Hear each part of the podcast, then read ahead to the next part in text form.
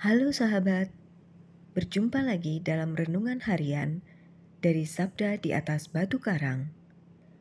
Hari ini, Sabtu 8 Oktober, adalah hari biasa pekan ke-27.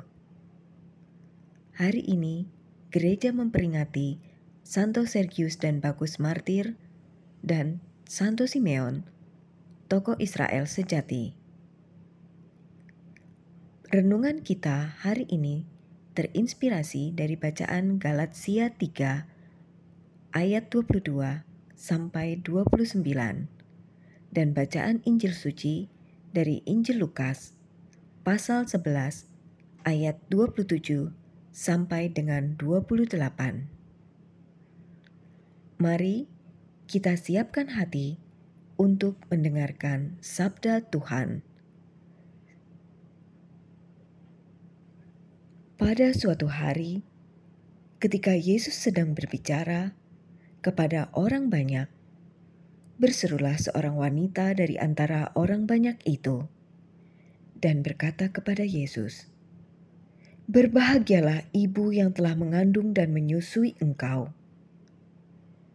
Tetapi Yesus bersabda, "Yang berbahagia ialah mereka yang mendengarkan sabda Allah dan memeliharanya.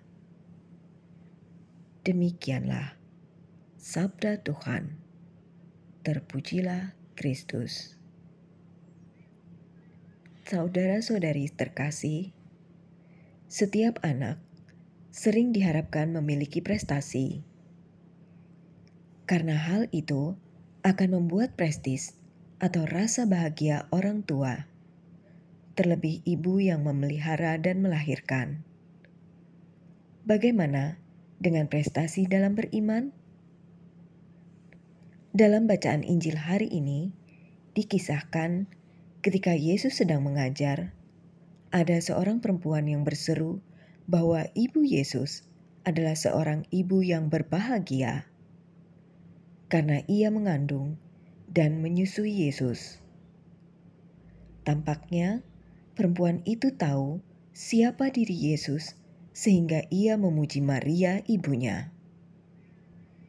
Atas seruan perempuan itu, Yesus menanggapi bahwa kebahagiaan ibu bukan karena ia yang melahirkan dan memeliharanya, melainkan karena ibunya adalah sosok yang mampu mendengarkan dan melaksanakan kehendak Allah.